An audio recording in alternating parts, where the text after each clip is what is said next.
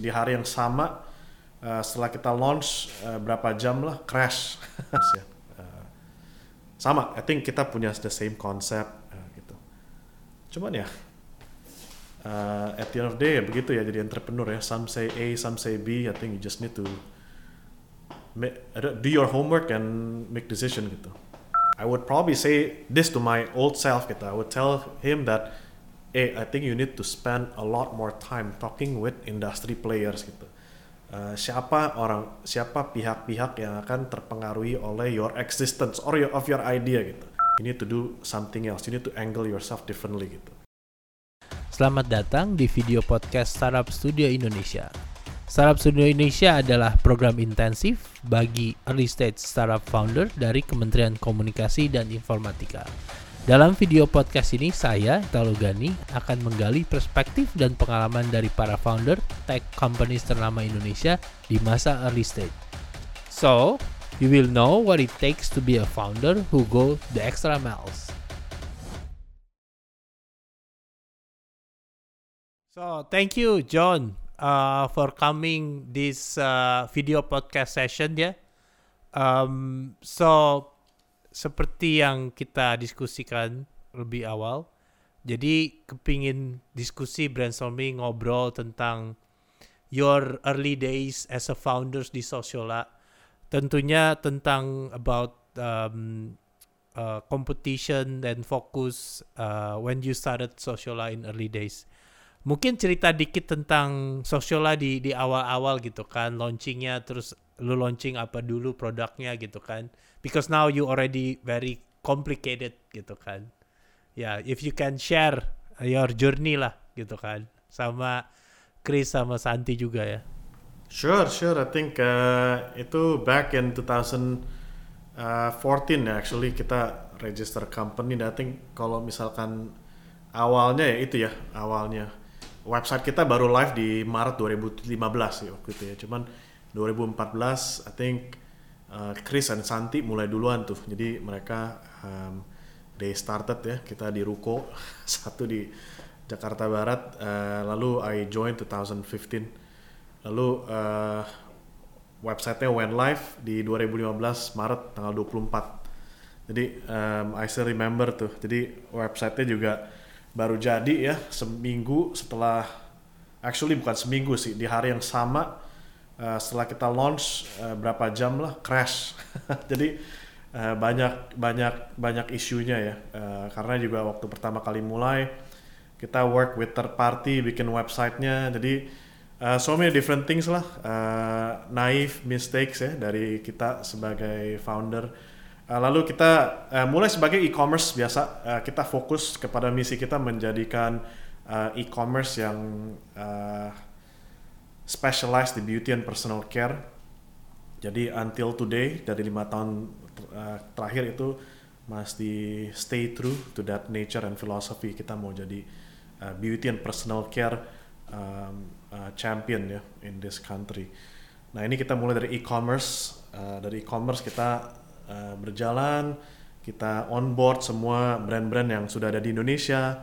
Uh, lalu setahun berikutnya di 2016 uh, kita mulai uh, explore something else yang bisa mendukung kita punya uh, initial seed idea. Kita buka media, jadi kita uh, talk about beauty, kita educate market. Karena waktu kita buka um, uh, e-commerce ini banyak banget yang nanya, itu uh, foundation tuh apa sih? Gitu. Skincare tuh gimana? Ya kan, uh, primer tuh seperti apa dan lain segala macam. Ternyata ada banyak sekali, dan memang banyak gitu waktu kita pilih vertical beauty juga uh, we like the vertical karena ini jadi banyak sekali yang kita sebenarnya uh, bisa pelajarin gitu dari dalam beauty dan banyak begitu banyak product type uh, dan specialization ya gitu. Jadi waktu itu kita bikin media, kita bikin video, kita tulis artikel dan lain sebagainya itu untuk educate market dan uh, teach them mengenai produk-produk, brand-brand yang cocok dengan mereka dan lain sebagainya. Lalu 2017 kita melihat oke okay nih uh, brand udah lengkap semuanya apalagi yang kita perlu lakukan. Nah kita explore lagi something else. Kita mulai reaching out ke brand-brand yang di luar Indonesia. Yang belum ada di Indonesia cuman udah udah udah udah udah udah banyak lah yang cari produknya. Nah kita uh, kita ngobrol sama mereka, uh, kita jadi rekan di Indonesia dan kita yang uh, build the brand for them gitu di Indonesia. Uh, kita build mereka punya presence dari zero sampai uh, besar gitu. Nah ini 2017, kita berjalan 2018, kita mulai buat uh, revamp total kita punya user dashboard. Jadi kalau uh, customer uh, user kita masuk ke dalam Soko, ya, masuk ke dalam Sociola ya, mereka mau belanja, mereka harus login ke Soko. Soko ini adalah uh, user dashboard sebenarnya, uh, sama seperti user dashboard dari e-commerce lain, tapi uh, bedanya uh, di sini orang bisa berinteraksi dengan orang lain, uh, user bisa berinteraksi dengan user lain, uh, apa uh, sharing review dan segala macam. Uh, ini first and foremost adalah review platform, cuman uh, yang ditambahkan pada user dashboard e-commerce itu. Jadi kita sekarang ada sekitar hampir 2 juta produk review, uh, produk ya semuanya, uh, bukan bicarakan mengenai packaging. Jadi semua bicarakan tentang produk dari lebih uh, lebih dari 40 ribu SKU, uh, brand-brand dan produk-produk SKU.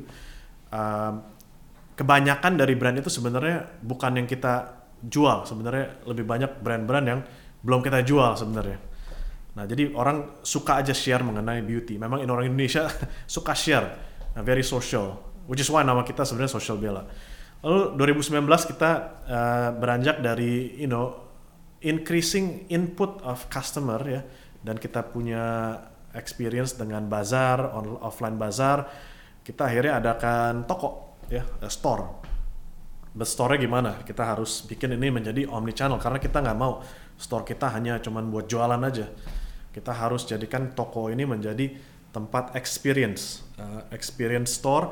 Orang bisa coba, orang bisa lihat brand baru, uh, bisa seamless lah experience-nya uh, waktu orang datang ke online maupun ke offline. Uh, one of the way untuk melakukan itu adalah mengintroduce yang namanya digital price tag. Jadi di toko-toko kita semua toko kita pakai digital price tag. Yang mana kalau off kita punya merchandising team di lantai 20 gedung ini mereka ganti harga uh, seluruh website akan uh, website obviously akan ganti harganya cuman seluruh toko kita juga harganya akan ganti dalam hitungan beberapa detik ya. Uh, jadi ini uh, mem, apa make sure that orang bisa belanja di online atau di offline harganya pasti sama same experience. Uh, lalu itu itu salah satu contohnya. Lalu uh, tahun ini uh, kita juga mau mengembangkan lagi, mau membantu kita punya brand partners uh, dengan mengadakan uh, distribution channel yang kuat gitu. Karena uh, kita tahu di Indonesia banyak sekali ya. Ini this is a big big country Indonesia ya, very big country and um, you know retailersnya juga banyak. Uh, uh, kita menganggap uh, beauty store ya, retailer retailer modern trade channel retailer ataupun general trade retailer itu adalah partner kita yang kita supply ke mereka kita jadi di waktu pandemi ini waktu nggak bisa ke mana-mana kita kebetulan uh, uh, certain tim kita masih sangat aktif dan uh, kita bisa berhasil buka ya 21 warehouses uh, di Indonesia di 21 kota jadi uh, itu akan make sure that kita punya titik uh, titik retail access itu sekitar uh, 50-55 ribu retailer di Indonesia. Jadi ini kita uh, terus mengembangkan kita punya ekosistem ya, uh, kita stay true dengan kita punya objektif. Nah itulah, I guess ya, journey kita selama ini sampai hari ini melalui COVID dan setengah COVID seperti ini. Nah John, tanya, waktu lu mulai gitu kan, you have like now we have like very very comprehensive uh, solution gitu kan. Yeah, when yeah. you really started when 2015 and di 2015 itu kan banyak vertical e-commerce. Ada beberapa lah vertical e-commerce yang yang sudah mendapatkan investasi cukup besar ya. Nah, do you udah punya plan seperti ini atau plan itu datang is it like is it okay I just start e-commerce atau, atau you have all the plans sampai distribution dari awal atau gimana? Ya, yeah, I think uh, kita dari pertama kita uh, quite unique in the way that waktu itu ya betul banyak ya horizontal players juga udah ada besar-besar ya uh, e-commerce yang besar-besar mereka marketplace jual segala macam barang lalu waktu kita mulai kita bilang kita cuman pure beauty uh, nggak uh, lama kemudian ada enam lagi jadi kita kita one of the seven vertical e-commerce yang fokus on beauty. Jadi uh, banyak banget lah. Kita nomor berapa I don't know. Uh, cuman kita tahu ada enam lagi di selain dari kita. Uh, mereka juga di back by good investors juga. Cuman ya kita ya kita jalan aja. Ya kita tahu customer mau apa. Nah, kita harus fokus on delivering apa yang customer mau ya kan. Itu itu itu intinya. Nah waktu itu kita stay true to our uh, uh, philosophy. Kita pikir harus otentik, harus Bepom. Nggak bisa nggak Bepom. Ya mungkin e-commerce lain mereka dapat produknya uh, punya set of products yang jauh lebih banyak mungkin mungkin mereka bisa bawa jualan barang yang lebih uh, unik gitu segala macam. Cuman kita nggak bilang apa-apa. I think kita perlu fokus on Bepomnya aja. Uh, kita kita perlu bisa deliver that people can trust us. Jadi waktu orang beli tempat kita mereka ngerti. Jadi itu yang itu terus yang kita uh, gembar-gemborin lah waktu itu ya. Uh, jadi kita stay true. We know itu yang kita mau yang kita bet on that idea. Itu makes us very different dari pertama sampai sekarang I see, I see. Ya kalau gua ngelihat uh, apa Sosiola itu udah nggak jelas binatangnya apa karena kalau e-commerce udah nggak e-commerce aja because you have offline store and you have also distribution gitu kan. So you becoming really hard to to apa barrier to entry untuk ngejar Sosiola agak-agak agak-agak susah gitu ya karena kalian udah Hmm. udah lumayan komprehensif gitu ya. Nah, apakah apakah kira-kira awal-awal banyak yang bilang oh lu nggak fokus karena lu kerjanya banyak banget lu bangun ini lu bangun ini is that is it pernah di challenge seperti itu nggak sih Ya, yeah, for sure, for sure. Uh, ya, kenapa lu nggak fokus gitu kan? Uh, kenapa nggak lu stick dengan e-commerce aja?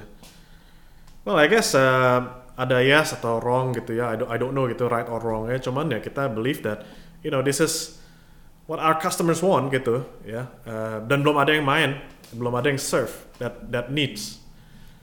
Dan itu uh, ada istilah itu accretive to our initial idea. Jadi itu membangun ide awal kita dalam meng-serve customer kita for good quality beauty products.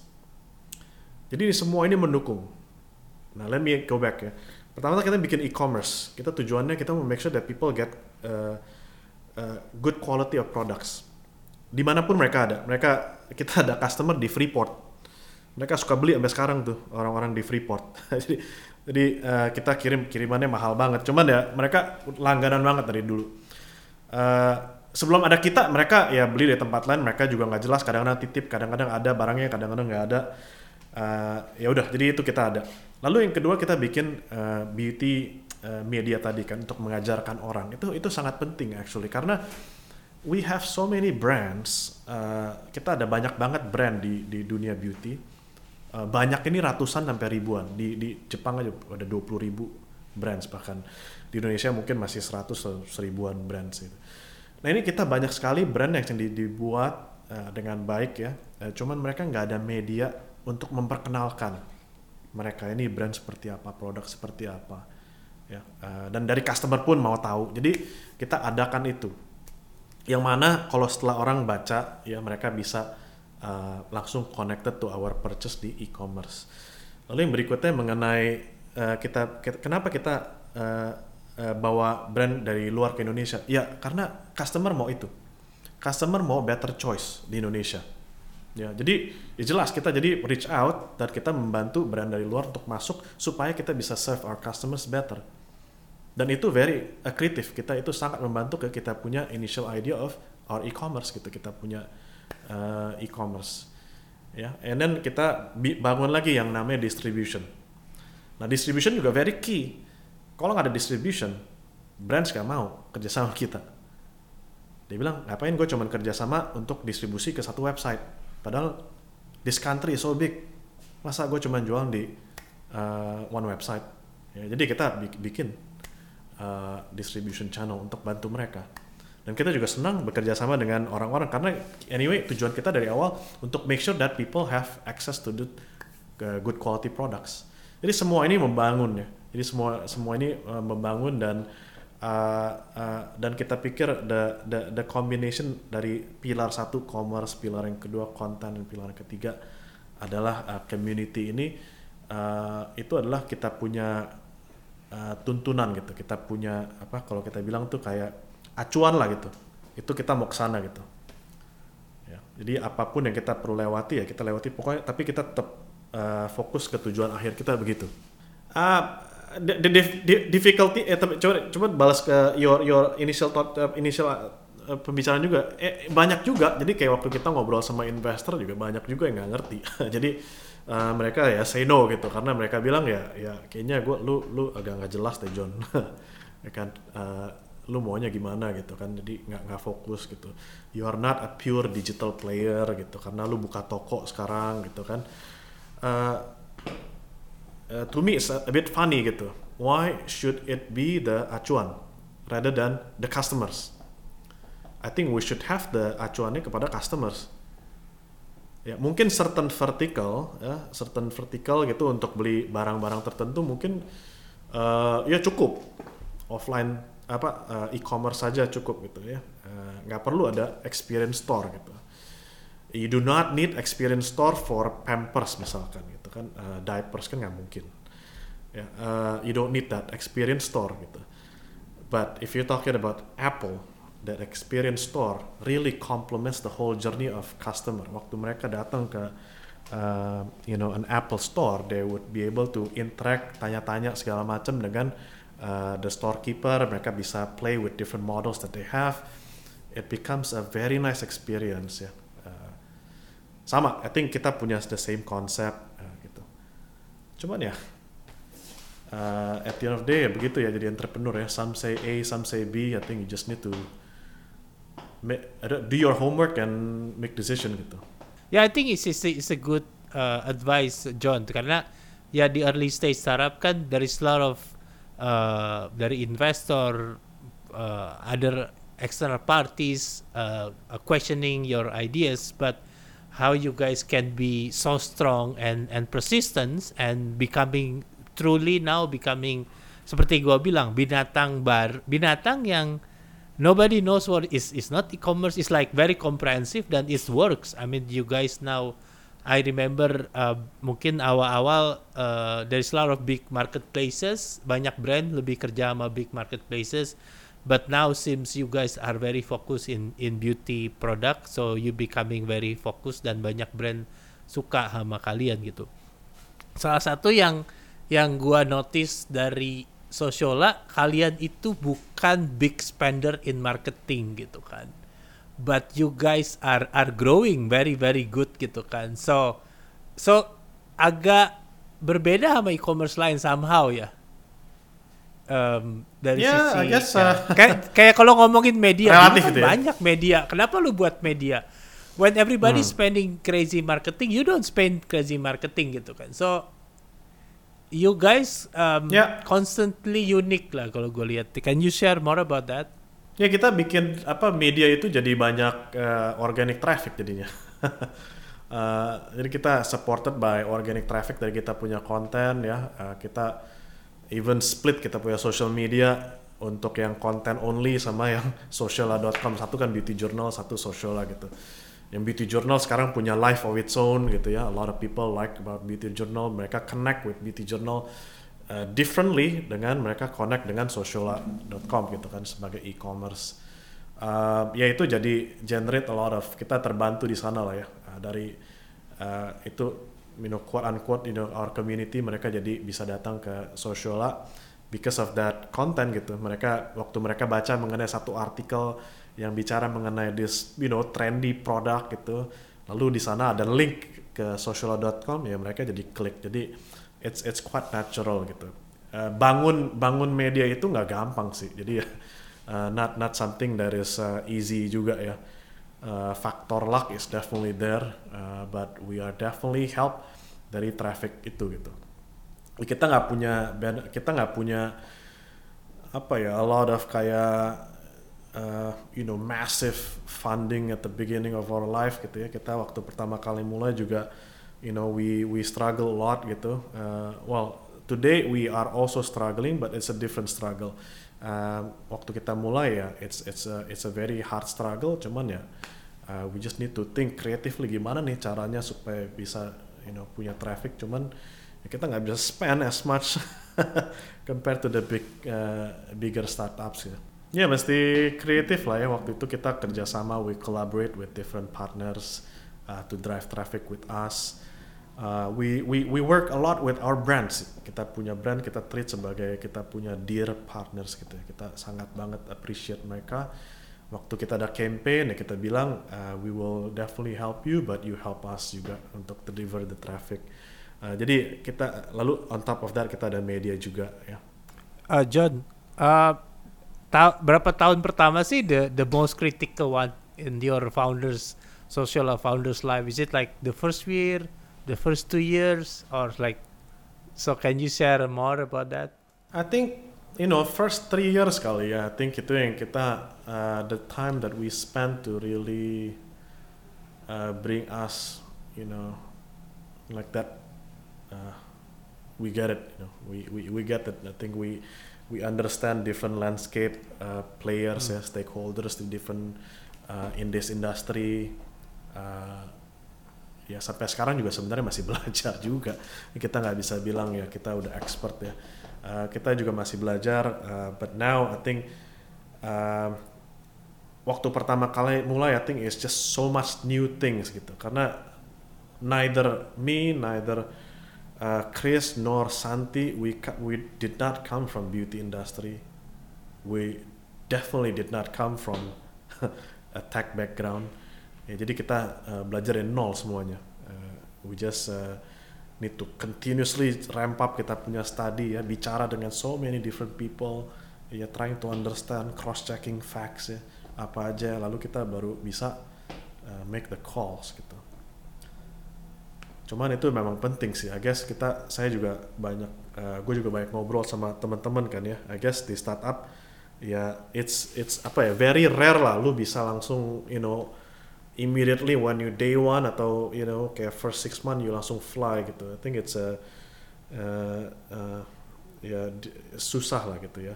Cuman ya if you if we persevere enough, I think we get more insights ya. We get more insights by the day.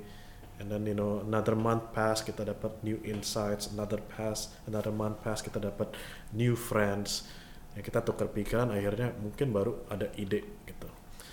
Uh, tadi gue cuman share apa aja yang udah berhasil uh, Italo kalau yang inisiatif-inisiatif atau mini-mini project ad hoc lain yang kita kerjakan juga banyak juga yang gagal gitu ya jadi uh, out of sekian banyak yang berhasil ya kita bikin media kita bikin store itu salah satu inisiatif ya kita bikin apa namanya Soko itu itu juga salah satu inisiatif cuman selain dari itu banyak yang gagal kalau kalian di awal-awal melihat kompetitor seperti apa? What do you see about kompetitor? Kalau nggak salah dulu ada Luxola kan yang dibeli akuisisi sama yeah. Sephora kan.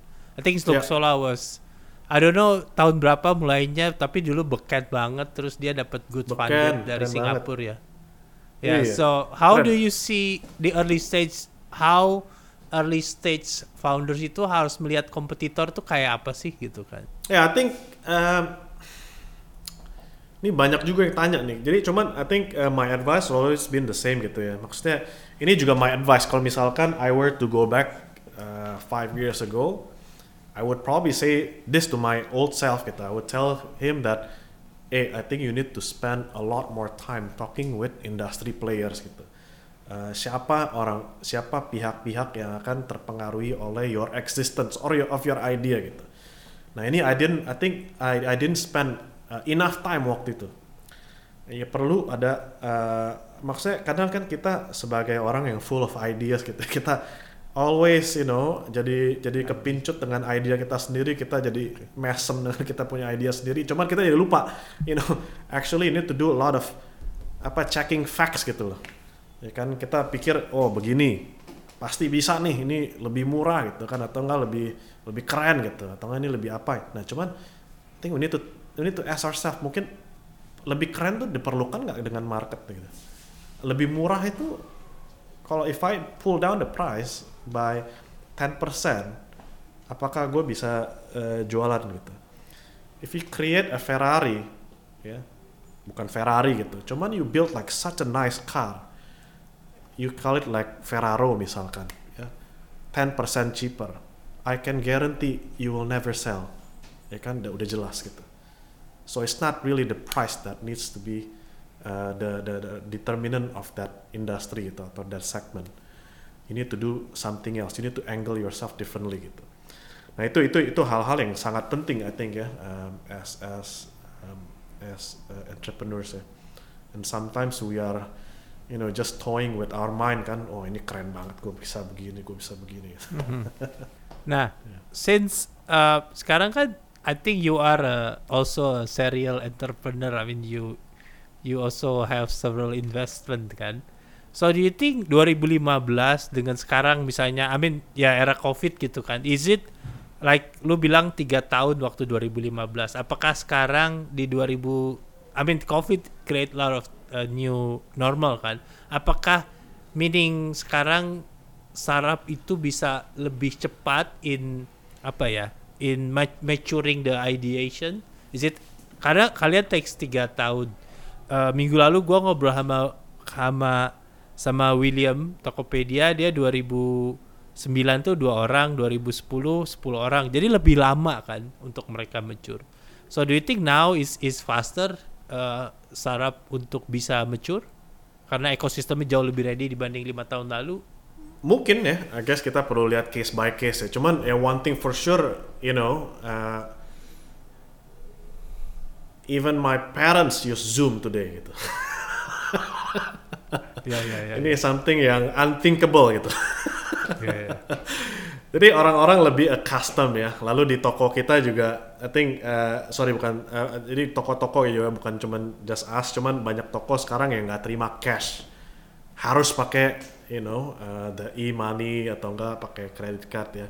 Cuma karena credit card di Indonesia nggak banyak, e-money langsung boom gitu kan, which is good gitu. I I support the idea of digitalization ya, makes things easier. Jadi mungkin, I guess uh, sangat mungkin sih that idea ya, uh, maksudnya that theory ya, that theory mungkin benar juga gitu ya. Uh, juga kita punya apa anak-anak yang lahir di uh, mungkin in the past like 10 years gitu dia custom gitu waktu mereka lahir udah ada Tokopedia atau 10 tahun lalu gitu kan. Uh, jadi sampai sekarang juga mereka it's it's part of their life ya. Orang-orang yang lahir lima tahun lalu mungkin udah you know always on Instagram you know for for the moment from the moment they are awake udah di Instagram sama orang tuanya gitu kan. Uh, jadi uh, YouTube is part of their life. Jadi ya mungkin I think it's true ya. It's a big trend that is moving Jadi sekarang kalau startup itu harusnya maturity-nya idea maturity-nya lebih cepat kali ya. Not not required another uh, tiga tahun lagi mungkin lah, maybe like a year probably, I don't know. Karena ekosistemnya visinya jauh lebih banyak. Uh, ekosistemnya payment gateway-nya. I mean 2015 uh, I don't think you get lot of uh, payment option juga kan. Um, financial inclusion masih tinggi. Ya. Yeah. So pertanyaan gue selanjutnya, John, you also actually handle a lot of like very big brand from from Japan, from Tokyo ya. This is like top top brand yang gue tahu gitu kan. And you get also exclusive deal with this brand. How do you get this kind of deal? Is it because uh, you are really like leading the market on this beauty product atau how you uh, being in touch with this uh, premium brand dari uh, Jepang dan Korea? Yeah, I'll, I'll answer your question sebentar gue. Uh, just coming back to the previous question, I probably give like apa ya something more apa ya kayak uh, disclaimer gitu ya. I guess you know the three years. I think you know I this is coming up with a lot of theories juga kan. Maksudnya if we read a lot gitu di uh, many sources, memang itu the time it takes gitu. Within three years, it is very critical gitu. That's uh, forming. I don't know if digitalization is helping that because it's it's one thing about the technology adop- adoption, but uh, it's the other thing about uh, you know crafting your business uh, business model gitu. Uh, mungkin uh, dari satu pihak ya teknologi adoption will help you but your business itu soalnya kan waktu teknologi adoption ini kan itu akan not just giving you advantage but all the other uh, competitor advantage kan. So it's not unique about you. Itu cuman making sure that all the playing field naik gitu. Digital digital digitalization. But your business model on the other hand I think there's something different. Ya kan?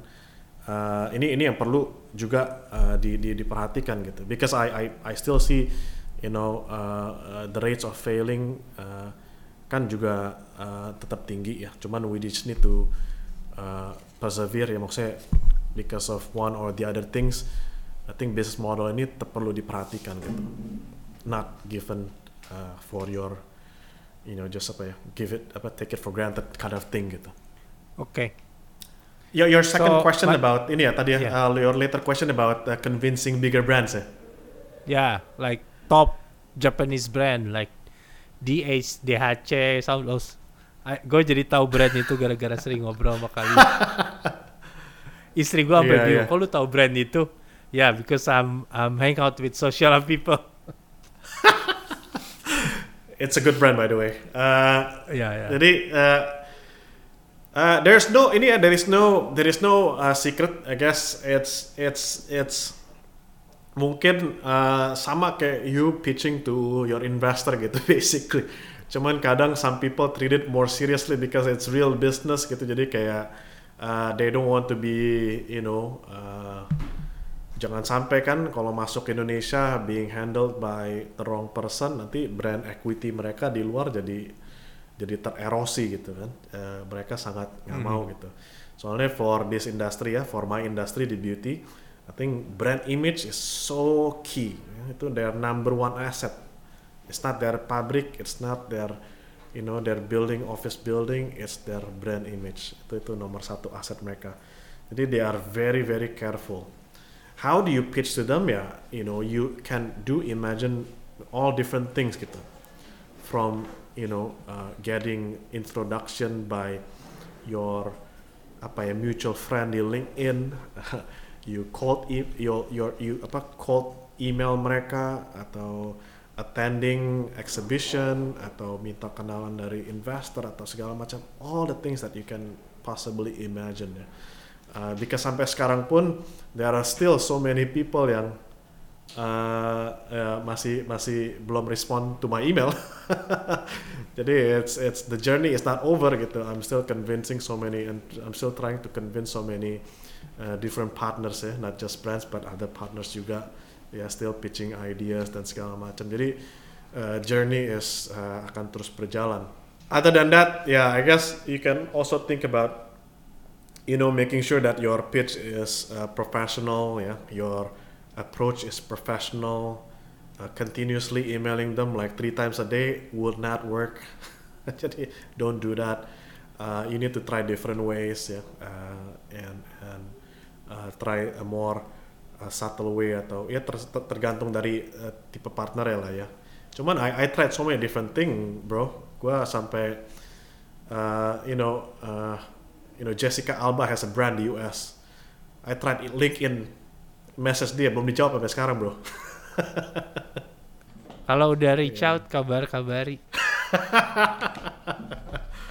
But I just, I just found out one, like... I just found out I just found out one connection now so I'm gonna try that. Wow okay okay okay.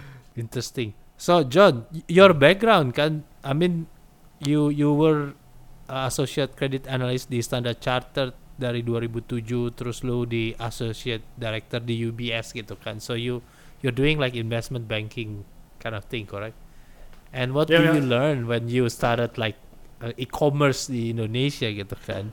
It's a complete different world lah ya.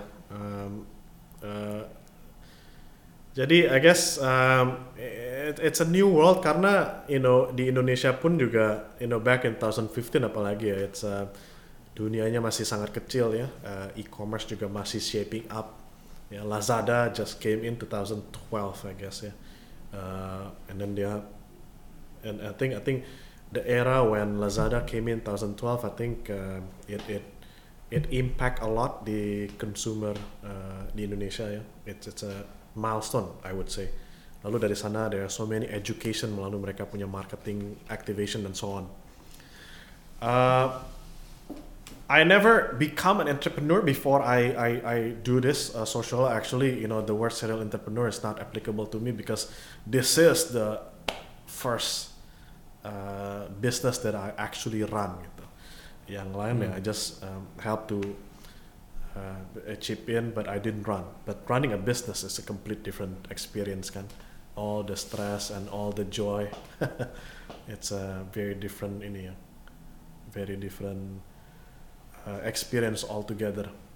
Cuman I would I would suggest sih ke banyak ini ya, aja banyak orang mungkin yang yang nonton this podcast atau apa, I think ya, I think it is a very rewarding experience gitu, especially kita masih uh, very young kan di Indonesia, our average age is 27.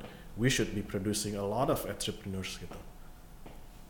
And the country is apa ya, gaining popularity in terms of uh, destination for investment dan juga uh, growing popularity in terms of kayak um, you know better government policies and uh, government punya openness terhadap new investments kan. Jadi it's a good time.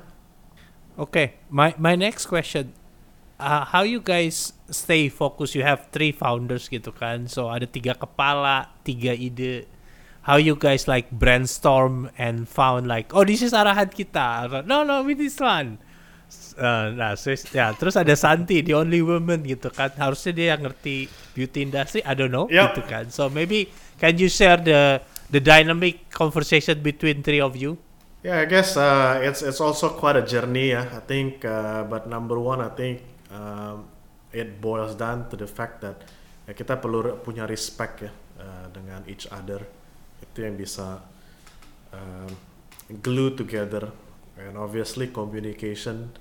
Ya, uh, it's it's never apa ya nggak nggak nggak pernah to be over advocate gitu the importance of communication itu ya. jadi sangat penting sekali um, especially ya between partners ya among partners jadi uh, kita perlu become like the you know the closest one uh, Sociala today we have about 1000 uh, team in the company so big we have an office in India we have an office in Jogja Uh, we have 20 warehouses in 20 cities today. Um, uh, jadi jadi so many different things, eh, so many big so big divisions. I you know you know just earlier today I had a con, apa video conference dengan 39 new people yang joining Sociala this week. um, it's susah banget gitu untuk keep track. Jadi um, I I think you know ya respect among each other ya, uh, keeping everyone um, maksudnya each other in the loop is very important ya. Uh, appreciating other people's view is also important. Um, you know, thankfully I think yeah the three of us I think we have been very successful so far in doing and maintaining that ya. Tapi ya nggak gampang ya karena banyak sekali dinamika kan. Uh, banyak makin banyak orang pasti makin banyak uh, complication. Ya, si ini dengar dari ini, si itu dengar dari ini ngomong begini kan beda-beda jadi ceritanya. So can you can you share tahun 2015 jumlah orangnya berapa? 2016 berapa? 2017 berapa? Kira-kira Wah, gua nggak timnya. gua nggak inget tuh bro. Cuman per today tadi gue barusan dikasih tahu kita udah close to 1100 tadi aja ada 39 orang yang barusan eh you know, kita lewat Google Hangout call eh, karena juga semua orang masih kebanyakan di rumah ya work from home. Eh, jadi it's, it's it's impressive to see you know we, we are almost 1100 people. It's quite a lot. Um, it's not In only five years, matrix. Iya ya uh, betul. It's not an achievement matrix ya, uh, but it's definitely sesuatu yang uh, membanggakan juga gitu bahwa kita bisa uh, menjadi rumah buat you know 1100 orang ya. It's it's uh, quite ini uh, quite quite good to know gitu. Dua apa tahun lalu tahun lalu aja kita masih 400 atau 300-an orang deh. Jadi within 12 months nih I think we we grow so much. So what is the your achievement metric? Is it like uh, GMV per people? I don't know. what kind of uh, uh, you have like really like core metrics yang lu pakai di awal-awal terutama ya? Awal-awal ya, I think ya basic ya kita track ya the typical metrics seperti GMV, uh, revenue, kita cek users berapa sering user itu kembali ke kita punya platform, uh, berapa berapa banyak yang mereka belanja dan segala macam. I think uh, Itu th- those are the business metrics ya. Uh, other than that ya HR metrics kita hope that when people join attrition kita nggak terlalu tinggi ya kan. Kalau tinggi berarti there's something wrong gitu kan. Orang join habis itu keluar. Nah itu juga nggak bagus ya. Uh, kita pengen uh, ada kestabilan. Jadi waktu ini tadi uh, yang tadi kita ngobrol tuh uh, kebanyakan ya 39 39 new people itu kita bertiga ya Santi, myself and Chris kita bertiga always spend time every week ya uh, spending one and a half hours one to one and a half hours to all new joinee. Kalau sebelum covid kita langsung kita pokoknya adain mereka langsung di di, di sini gitu. Uh, kita langsung ketemu ya kita shake hand pokoknya sesi tanya jawab lah. Lalu kita introduce mengenai kita punya core value di company kita.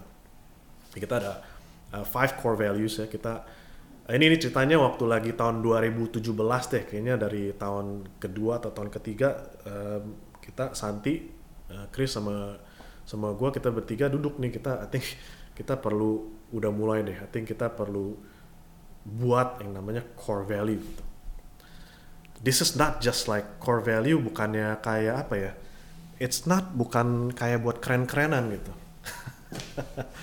Some people may say it's keren-kerenan oh lu punya core value but I think it is super important gitu because it's very difficult gitu. Karena when you have like so many people ya yeah, um, what is your guidance gitu in the company of uh, the attitude yang you appreciate in people? Ya, jadi makanya kita buat core value itu. Kita ada lima. Yang pertama-tama kita ada namanya be fast ya and yang kedua be agile. Yang ketiga we appreciate continuous improvement uh, of every individual um, we always stress that people need to have ownership in their work in their company. Lalu yang terakhir, uh, we uh, envision people that are always positive, you know, um, you know, even if they're thinking mungkin mau negatif, coba deh, you know, ingat-ingat lagi core value kita, I think ini to be positive gitu. Karena, you know, in the, ini semua anak muda di dalam kantor ini kan everybody have different apa uh, punya pendapat yang berbeda, ya, punya punya gosip ini itu punya gosip itu segala macam I think positive is makin lama makin uh, penting yeah, in the company John uh, you said that you have so many initiative gitu kan and many are success many are also failing gitu kan mm. in in this initiative biasanya kan sekarang you have this you have your core e-commerce you have Soko you have the the distribution business and also you have uh, apa the the the store gitu kan. My I have two question. One, uh, is initiative itu biasanya di run sama siapa? Is it like there's one head of project? Dan kapan yeah. inisiatif ini ditutup? Kapan diterusin? That's one. I think kalau nggak salah you have e-commerce on health product ya one day dulu kan kalau nggak salah ditutup hmm. salah, health product atau sport something. Uh, terus yeah. sekarang di tiap pilar kayak e-commerce terus office store itu dari like mini mini CEO gimana konsepnya sebenarnya? Ya itu organization ini apa organization structure yang kita um, uh, terus perbaikin juga ya. Karena juga the nature of the company juga evolving ya. Obviously organization structure perlu diatur sedemikian rupa untuk supaya menyocok apa cocokin kita punya goal dan insentif itu jadi it's it's it's it's it's just changing gitu. Uh, siapa yang lead? Definitely there's one yang lead ya. Uh, apa pun projectnya itu.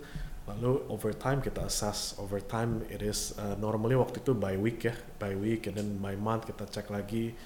And then ya uh, the three of us uh, initially dulu ya sebelum kita uh, strengthen kita punya senior management and the three of us we we would make decision. Today our senior management is much much stronger yeah. Uh, a lot more people coming from uh, very experienced background yeah. Uh, people smarter than us uh, people more experienced than us yeah?